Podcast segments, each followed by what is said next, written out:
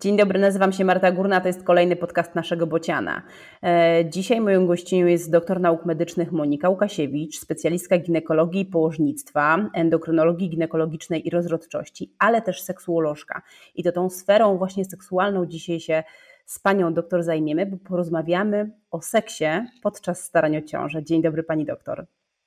Dzień dobry, witam państwa serdecznie. Pani doktor, przygotowując się do tej naszej rozmowy, uderzyło mnie to, że jak zapytałam wyszukiwarki o to, jak wygląda seks podczas starań, jak sobie radzić e, z problemami z seksem podczas starań, to właściwie niemal wszystkie odpowiedzi, które dostałam, dotyczyły tego, w których dniach cyklu powinnam współżyć, w jakiej pozycji powinnam współżyć, jak zwiększyć szanse na poczęcie, ale nikt tam nie pochylił się nad tym, jak my sobie mamy z tym seksem z partnerem radzić, a seks podczas starań bywa inny niż ten, e, kiedy nie staramy się o ciążę.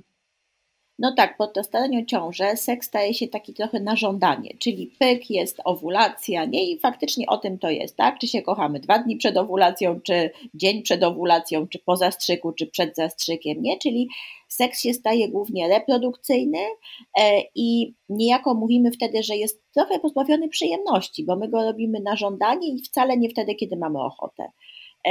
I faktycznie jest tak, że takie zachowania, jak robimy to, nie wiem, miesiąc, dwa, trzy, to nic się nie dzieje, ale kiedy nagle okazuje się, że robi się z tego rok starań o ciążę, czyli seks całkowicie przestaje być trochę dla przyjemności, ale staje się po to, żeby zajść w ciążę, to on przestaje być przyjemny, staje się rutynowy mm, i de facto no, u większości z, z ludzi spada tak naprawdę pożądanie. Tylko my często y, jakby słowie seks zawiera się wszystko, nie? bo my mówiąc o seksie myślimy pożądanie, podniecenie, orgazm, erekcja, ejakulacja. Nie, to jest wszystko seks, a to jest naprawdę bardzo rozległy temat i każda z tych rzeczy, które wymieniłam, tak naprawdę może być zupełnie oddzielnie dyskutowana. Nie? Z czym jest największy problem? Mhm. Ale to co właściwie najbardziej e, nam zabija tą intymność?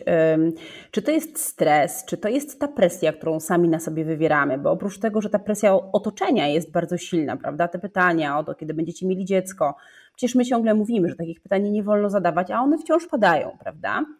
E, ale też my sami na sobie wywieramy presję, bo my sami mamy oczekiwania wobec siebie, e, mamy te ogromne nadzieje z każdym cyklem ja myślę, że wszystko to, co Pani powiedziała. I ja myślę, że trochę jest tak, że jak sobie podzielimy te wszystkie przyczyny, to możemy podzielić przyczyny wystąpienia zaburzeń seksualnych w trakcie leczenia niepłodności na przyczyny czysto psychologiczne i czy, przyczyny czysto fizjologiczne.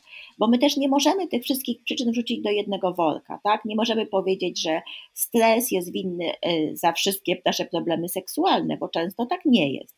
E, ale też e, w sytuacji, kiedy faktycznie mm, warto zawsze z jak się rozmawia o życiu seksualnym i na przykład przychodzą do seksuologa i mówią, że tak, starali się o ciążę i teraz życie seksualne jest słabe, to warto wiedzieć, jakie było wcześniej, tak? Bo jeżeli się okaże, że życie seksualne przed staraniem się też było słabe, to nie wińmy tu starania się o ciążę, o zaburzenia seksualne. Ale jeżeli się okazuje, że super, w ogóle życie seksualne przed staraniem się było fajne i nagle w ciągu roku się zepsuło, no to faktycznie tutaj możemy się zastanawiać, jakie są przyczyny. Oczywiście przyczyn jest wiele, bo jak powiedziałam, te psychologiczne, czyli tak jak pani powiedziała, stres związany z tym, że faktycznie możemy stracić cykl, że y, nie wiem, że musimy dokładnie iść z pracy, żeby teraz właśnie się kochać, bo jeżeli nie, nie będzie tak, to właśnie pęknie nam pęcherzyk. Czyli mamy stres tak jak pani powiedziała, presja otoczenia. E, tak jak ja też wcześniej powiedziałam, oddzielenie tego seksu przyjemności od seksu reprodukcyjnego. Seks się staje czystą reprodukcją, nie czystą ewolucją. Ale oprócz tego zaczynamy mieć problemy fizjologiczne. Czyli jak na przykład kobieta ma problem ze współżyciem, bo jej się nie chce, czyli nie ma pożądania w głowie, zaczyna mieć suchość pochwy zaczyna mieć mhm. suchość pochwy, chce się kochać, nie używa żeli, bo żele będą źle wpływały na y, nasienie, prawda? No, sama, sama pani wie, jak to jest. Y, w tym momencie ma suchość pochwy, pierwszy seks zaczyna ją boleć, drugi seks zaczyna ją boleć, zaczyna mieć powoli skurcze y, mięśni na miednicy, czyli zaczyna mieć tak zwaną dyspareunię powierzchowną, czyli każdy stosunek seksualny zaczyna być nieprzyjemny i bolesny. I zapominamy czasami, że wszystko zaczęło się od suchości pochwy, nie od tego, że była suchość pochwy, że seks nie był związany z przyjemnością, zaczyna ją bardzo bolić i zaczyna unikać seksu, a jednocześnie seks jest jakby możliwością zajścia w ciążę, czyli trochę ten seks jest na siłę. No i co się dzieje? Ja mówię o błędnym kole, nie? One takie dosyć jasne.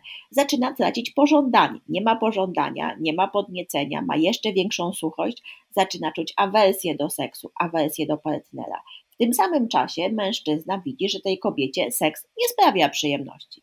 Najpierw może mieć troszeczkę problem z zaburzeniami erekcji, ale jeszcze na początku zaczyna sobie radzić. Potem faktycznie każdy seks na żądanie kojarzy mu się Matko Boska, będę musiał mieć erekcję. Zaczynają się problemy z erekcją. Jak już te problemy wyleczymy, damy inhibitory fosfodiesterazy piątej, cokolwiek, bo oczywiście często jest tak, że wydaje się ludziom, że to wystarczy i koniec. Ja tak nie uważam, no ale okej, okay, damy te inhibitory fosfodiesterazy piątej seks się zaczyna odbywać, ale nagle się okazuje, że mężczyzna, co się bardzo często zdarza u par niepłodnych, nie ma ejakulacji, tak? Seks trwa długo, wszyscy są zmęczeni, a tej ejakulacji nie ma. No i znowu robi się błędne koło, tak? Ludzie jakby zaczynają unikać seksu, zaczynają się tworzyć problemy w związku, problemy emocjonalne, problemy y, takiej powiedzmy bardziej natury psychologicznej, tak? W relacji, nie? Zaczyna coś nam w tej relacji nie grać no i jakby dalej się staramy o dziecko, nie? Czyli mówię, robi się błędne koło zaburzeń seksualnych. Ale łączymy tutaj zarówno zaburzenia psychologiczne, jak i czystą fizjologię. Tak jak powiedziałam, suchość pochwy, skurcz mięśni na miednicy, czyli wszystko nam się wiąże. Pani doktor, bo już kilka razy mówiliśmy o tym, że to współżycie jest wtedy, kiedy jest owulacja, kiedy są dni płodne. A jak to jest z tym współżyciem podczas starań? Ja tu już nawet nie mówię jakiejś zaawansowanej niepłodności y, leczonej, ale no jest y, mnóstwo par, które są na początku drogi, które podczas tych y, pierwszych kilku czy kilkunastu miesięcy starań bez pomocy medycyny rzeczywiście już podporządkowują ten, ten seks kalendarzykowi i zegarkowi. A czy to, to jest... rzeczywiście jest ta droga? To jest właśnie nie ta droga, to jest błąd. Ja myślę, że na początku w ogóle co to znaczy staranie się o ciążę? Jeżeli współżyjemy bez zabezpieczenia i współżyjemy regularnie jeżeli chcemy, to współżyjmy codziennie. To też nie jest tak, że niektórzy, ach, co dwa dni, prawda? To w ogóle nie o to chodzi. Ale co najmniej dwa razy w tygodniu, regularnie, to wtedy nic nie musimy liczyć. Nie musimy żadnego kalendarzyka używać, tak? Nie musimy robić testów owulacyjnych. No chyba, że ktoś ma problemy z owulacjami, tak? No ale to już jakby pomijam. Ja mówię, pacjentka miesiączkująca to 28-32 dni, czy tam 26-32 dni regularnie, ma owulację, to zapomnimy o testach owulacyjnych. Naprawdę tak uważam. Pół roku po prostu zapomnimy, że to jest seks dla reprodukcji. Po prostu zwyczajnie w świecie kochajmy się dwa, trzy razy w tygodniu. Oczywiście łatwiej powiedzieć jest niż zrobić, ale, ale faktycznie to właśnie takie podporządkowanie tego seksu kalendarzykowi sprawia, że niestety ten seks staje się rutynowy i staje się w pewnym momencie e, nieprzyjemny dla obu stron. Dokładnie tak, ale to też jest tak, że natura nam trochę pomaga, e, bo szczególnie my kobiety, wtedy, kiedy e, rzeczywiście jest ten dobry czas na poczęcie, zwykle mamy większą ochotę na seks niż wtedy, kiedy jesteśmy poza okresem płodnym. To jest akurat prawda. E, fizjologicznie tak, ma Pani rację, jest większa ochota na seks, natura nam pomaga i tak się dzieje do pewnego momentu, ale w pewnym momencie, kiedy my też pomagamy naturze i już chodzimy do kliniki, dostajemy tak zwane, to tak się mówi, nie? E, te zastrzyki, nie będę wymieniać nazw, ale na wywołanie owulacji, na pęknięcie pęcherzyka, jak nazywają pacjentki, to w tym momencie e, to już nie jest tak do końca tylko natura, tak? My trochę tutaj mhm. działamy, niby natura nam pomaga, tak jest, bo to jest prawda, ale de facto my potem chcemy trochę tę naturę przechytrzyć i już tak ja nie widzę tutaj dużej pomocy naturze. Tak? Naprawdę ja zajmując się niepłodnością i też jak będąc oprócz tego jestem też seksuologiem, to ja widzę i to jest fakt, że y, jest naprawdę ciężko nawet y, rozmawiać z ludźmi i im powiedzieć, słuchajcie, zadbajcie teraz o swoje życie seksualne, bo jak nie zadbacie teraz, to za rok będzie naprawdę słabo. I często jak już rozmawiam z ludźmi, to oni już mają ten okres, że jest słabo, że mhm. ten seks nieprzyjemny, że im nie sprawia przyjemności. Mhm. A myślę, że o to warto zadbać wcześniej. Pani doktor, to wszystko tak nie najlepiej brzmi, e, bo, bo, bo mogłoby się wydawać, przysłuchując się naszej rozmowie, e, że sytuacja jest patowa. Zresztą e, ten mój research internetowy, on też taki był przykry, dlatego że jeden z pierwszych artykułów, jaki znalazłam na temat tego, jak sobie radzić z rutyną w łóżku podczas starania o ciążę, właściwie mm, odpowiadał na to pytanie, że to właściwie możemy nic nie robić, bo ta rutyna jest nieunikniona i ta instrumentalizacja tego współżycia jest nieunikniona. No i można byłoby usiąść i płakać, no bo przecież my walczymy, nie lubię słowa walczymy, ale, ja ale też nie często lubię. go używają. Się. Tak, my się staramy o tą ciążę, staramy się o to spełnienie marzenia o rodzicielstwie, ale mamy coś już bardzo ważnego. Mamy przy sobie człowieka, E, kobietę, mężczyznę, którego kochamy, z którym chcemy być i z którym to dziecko chcemy mieć. I też warto zadbać o to, żeby, żeby tej bardzo ważnej rzeczy nie stracić. No i, no i jak to zrobić? To się da? E, ja uważam, że się da i moja taka w ogóle koncepcja jest taka, tutaj Pani Marto bardzo Panią zdziwię, ale ja uważam, że byłoby idealnie, gdyby każda para przed wejściem w ogóle, ja nie mówię o, ja mówię o już klinikach leczenia niepłodności, tak? Ja powiedzmy już nie będę tutaj szła bliżej, bo uważam, że powinna mieć taką jedną, naprawdę szczerze, rozmowę z seksuologiem.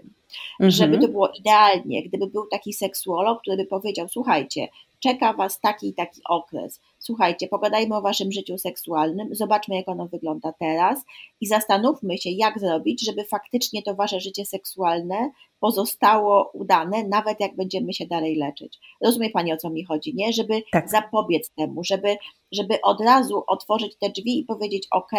I faktycznie Eszte na przykład coraz częściej mówi, żeby badać na przykład skalę depresji, żeby badać, jak para wchodzi w związek, jaki jest. Jeszcze o seksie mało mówią, ale, ale to by było dla mnie idealne, bo to by nam też pokazało, że my możemy na to mieć wpływ, ale tak jak powiedziałam wcześniej, jak ja już spotykam się z moimi parami, to często to życie seksualne już zostało na tyle zaburzone, że to ważne jest, ten instynkt macierzyński, to, że ktoś chce mieć dziecko, staje się w tym momencie często silniejszy niż to, że chce mieć udane życie seksualne, prawda? Czyli mhm. jakby e, tutaj często e, na przykład nie zależy wcale tak parom, żeby to życie poprawić, znaczy tak jest, bo oni na razie są skupieni na dziecku. Zależy później, kiedy już się na przykład pojawi dziecko. Stąd moja taka propozycja, żeby myśleć o tym dużo wcześniej.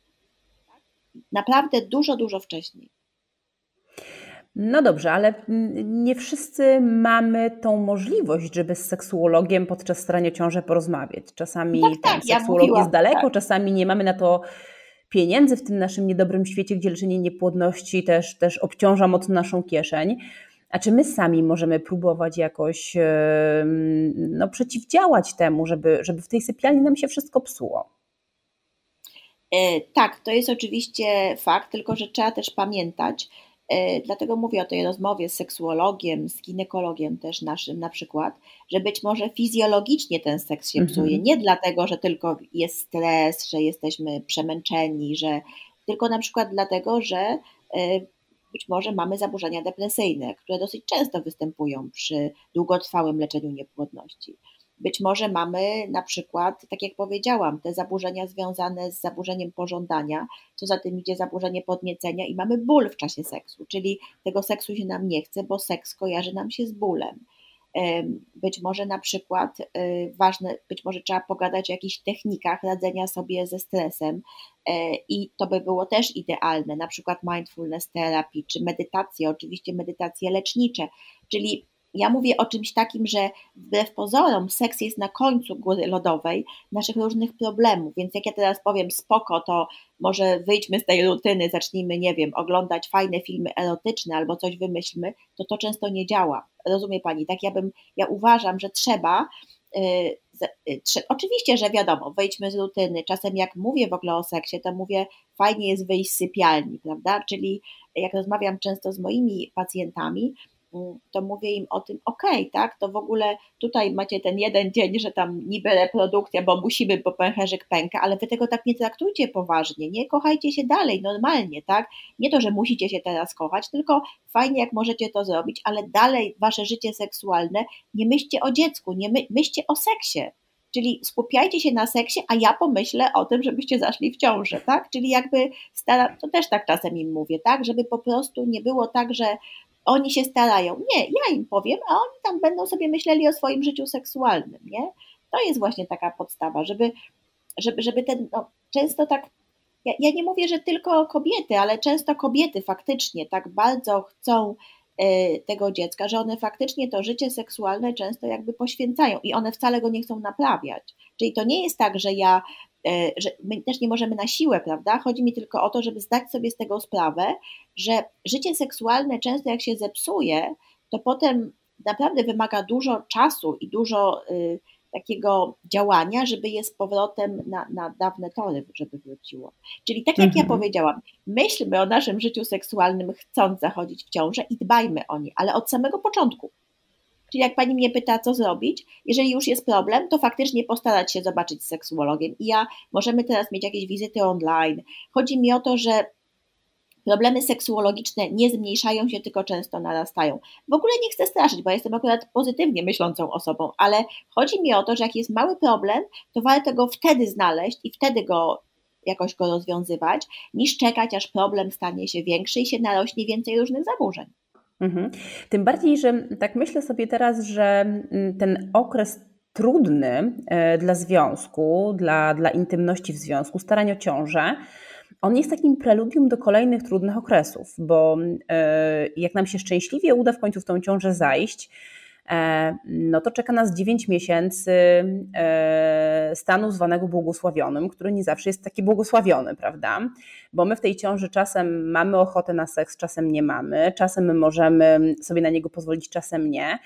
A w tej grupie pacjentek po leczeniu niepłodności i zresztą też pacjentów jeszcze bardzo często y, ogromną rolę odgrywa lęk, stres i, i, i po prostu takie chuchanie i dmuchanie na tą ciążę, że my się boimy siebie dotknąć, prawda, w czasie tej ciąży.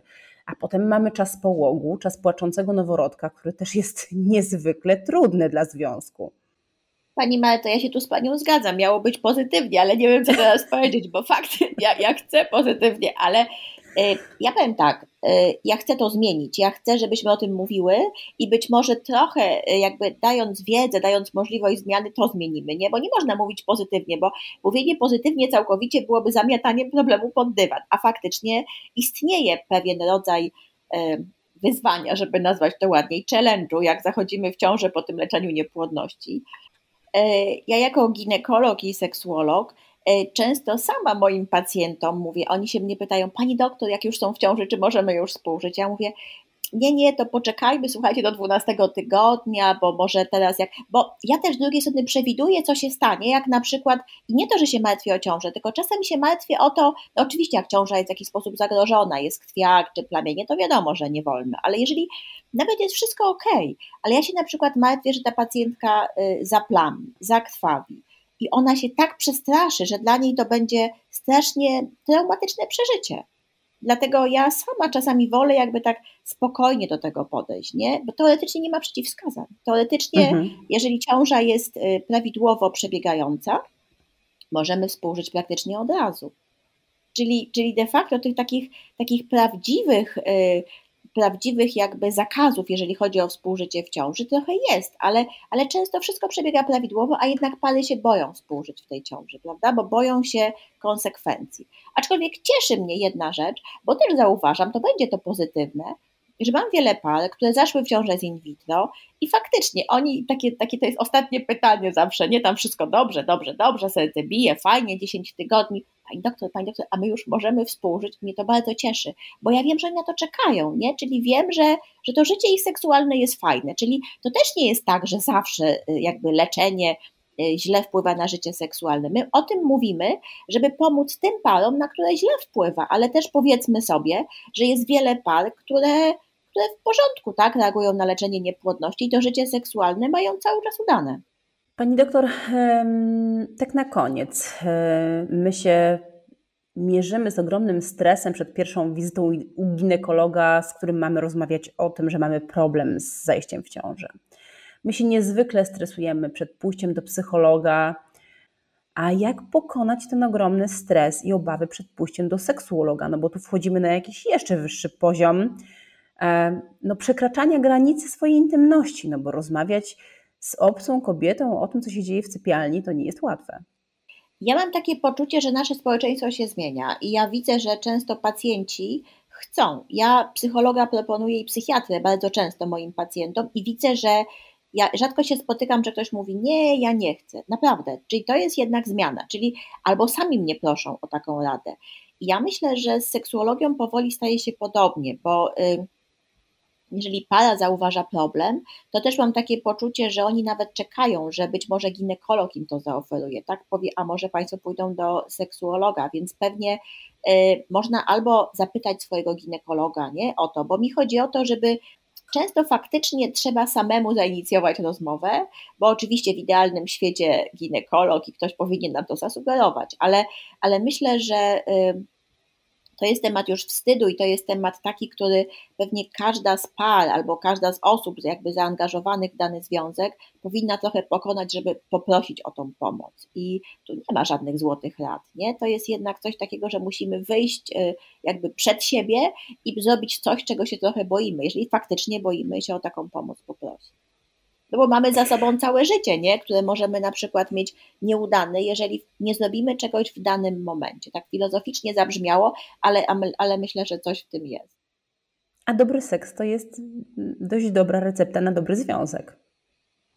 Tak, oczywiście też zależy jak, bo są związki białe, gdzie dla ludzi ten seks nie jest taki ważny, więc nie możemy też tak mówić, ale faktycznie wie, uważam, że w większości sytuacji udane i fajne życie seksualne sprawia, że mamy też wiele innych rzeczy udanych w naszym życiu. Taki walentynkowy temat jest dzisiaj, nie? Ale coś w tym jest, że, że to życie seksualne poprawia nasze samopoczucie, zwiększa nam stężenie endorfin, zwiększa nam stężenie dopaminy. Nam się często bardziej chce, jak mamy udane życie seksualne. A jak mamy nieudane życie seksualne i jeszcze nas to gnębi, to często też wpływa to na zwiększone też poziom naszego nastroju depresyjnego i na demotywację w ogóle w wielu sytuacjach życiowych. Mhm. Więc kochani, dbajmy o siebie, pamiętajmy o sobie, bądźmy na siebie uważni dbajmy też o to, co dzieje się w tej naszej sypialni, e, nie tylko pod kątem tego, jak się skończy i czy zobaczymy na tym teście dwie wymarzone kreski, ale też pod kątem tego, żebyśmy byli dla siebie dobrzy, uśmiechnięci, żebyśmy się naprawdę kochali.